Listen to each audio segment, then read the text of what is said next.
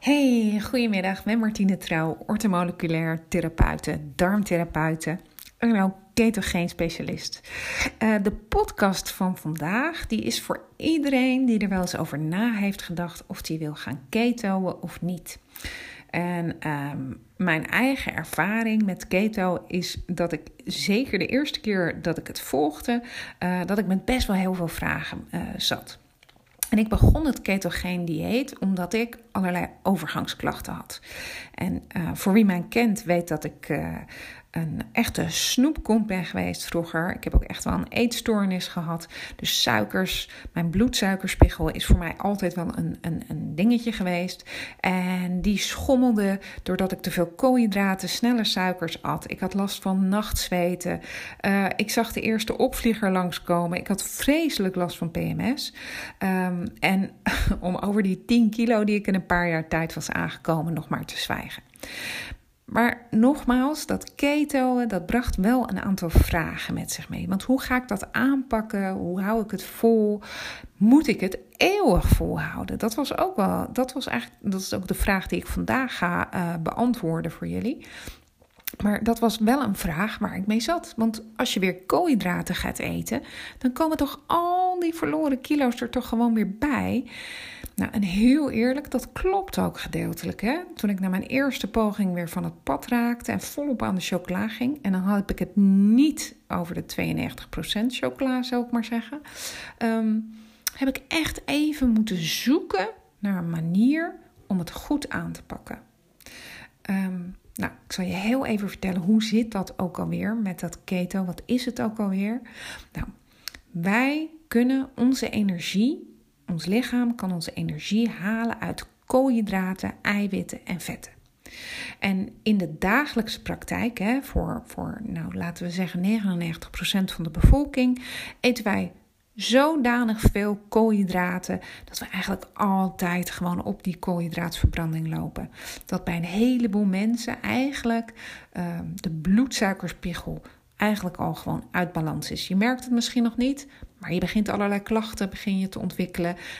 Um, Hormonale klachten horen daarbij, diabetes hoort er uiteraard bij, insulineresistentie. Nou, ga zo nog maar door. Er zijn heel veel uh, klachten die terug te voeren zijn op een te veel aan koolhydraten eten.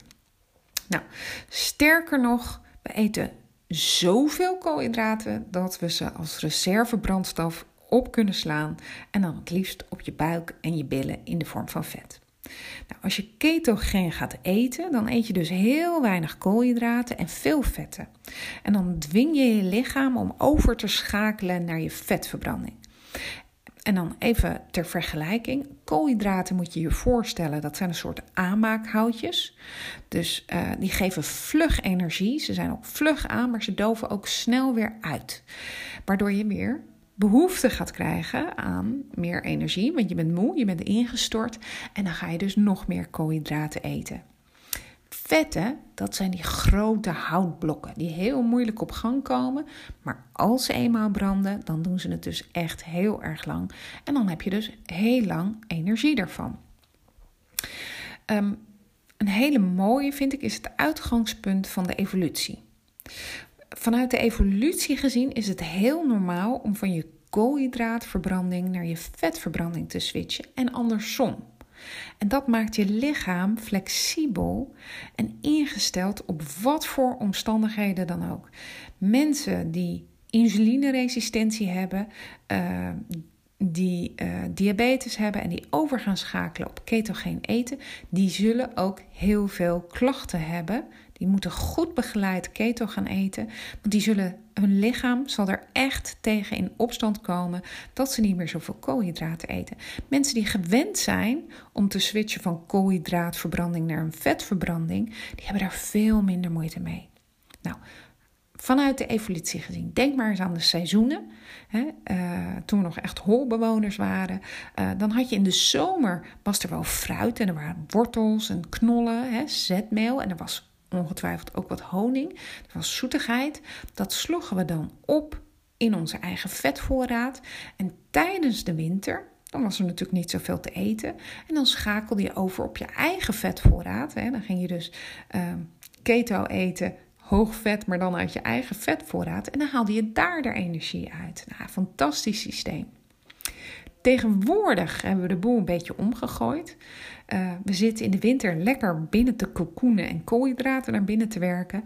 En in de lente, zomer willen we de kilo's er dan weer af hebben. En dan gaan we juist weer minder koolhydraten eten. Omgekeerde wereld dus, maar nog steeds zorgt het voor het flexibel omschakelen tussen koolhydraat en vetverbranding. Nou, dus niet keto forever. Kijk, op het moment dat je na het keto weer teruggaat naar oude eetgewoontes, zal je hoogstwaarschijnlijk ook je oude lichaam weer terugkijken krijgen. Of dat nou gaat om kilo's of om lichamelijke klachten. Wil je een structurele verandering veroorzaken in je gezondheid, in je gewicht, dan zul je ook nieuwe gewoontes moeten aanleren. Het hoeft echt niet in één keer vlekkeloos te gaan. Het leven is immers gewoon één grote leerschool. Maar nooit meer meloen of aardappel, dat gaat er bij mij niet in. Er zijn zoveel gezonde producten die naast dat ze wat meer koolhydraten bevatten, ook nog heel veel meer voedingsstoffen in zich hebben. Denk maar aan bieten of wortelen, want die eet je tijdens het keto-dieet niet. Om die nooit meer te kunnen eten, dan mis je echt wat. Nou, wat vooral heel belangrijk is, is dat je op zoek gaat naar wat bij jou past. En nou, zo ben ik dus voor mezelf ook op zoek gegaan naar wat voor mij werkt.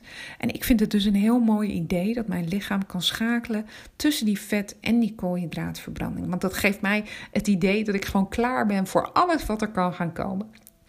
Ehm, dat houdt voor mij in dat ik deze winter bijvoorbeeld niet ketogeen heb gegeten. Ik heb aardappelen, af en toe pasta, allerlei soorten fruit gegeten. Ehm, en ik heb ook gesnoept. Soms ook te veel. Snelle koolhydraten blijven voor mij altijd een uitdaging. Maar naarmate ik vaker langere tijd zonder die snelle koolhydraten leef, wordt het ook steeds makkelijker om ze niet meer te eten. Ehm, ik verbaas me er eigenlijk over. Er is een periode in mijn leven geweest dat ik me niet kon voorstellen dat ik niet meer zou snoepen. Dat ik me er geen, dat ik afscheid zou moeten nemen van die, van die vriend suiker ik zag niet in hoe. Uh, en tegenwoordig is het zo dat ik eigenlijk redelijk makkelijk de knop om kan. Ik kan gigantisch uit de bocht vliegen nog steeds. Maar ik kan ook heel makkelijk de knop weer omdraaien. En gewoon weer alle suikers eruit gooien. En dat wordt makkelijker, jongens. Echt, als dit is wat, jou, wat jij lastig vindt, of dat nou chocola is, of brood, of pasta, geloof mij, als je, het, als je dit gewoon uh, op een zoektocht gaat naar een eetpatroon wat bij jou past. En wat goed voor je is, wat je energie geeft, wat je stabiel houdt, wat zorgt dat de klachten weggaan, dan zal dat in het begin zeker moeilijk zijn. Maar dat wordt echt beter, want je gaat een andere manier, andere eetgewoontes ga je ontwikkelen.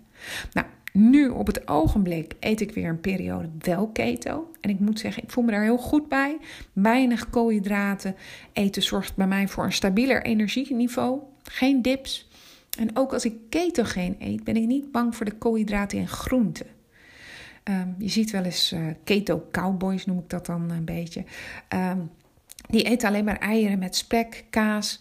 Um, dat is niet wat, uh, wat mij betreft een gezond ketogeen dieet is. In een gezond ketogeen dieet kan je groenten zoveel eten als je wil.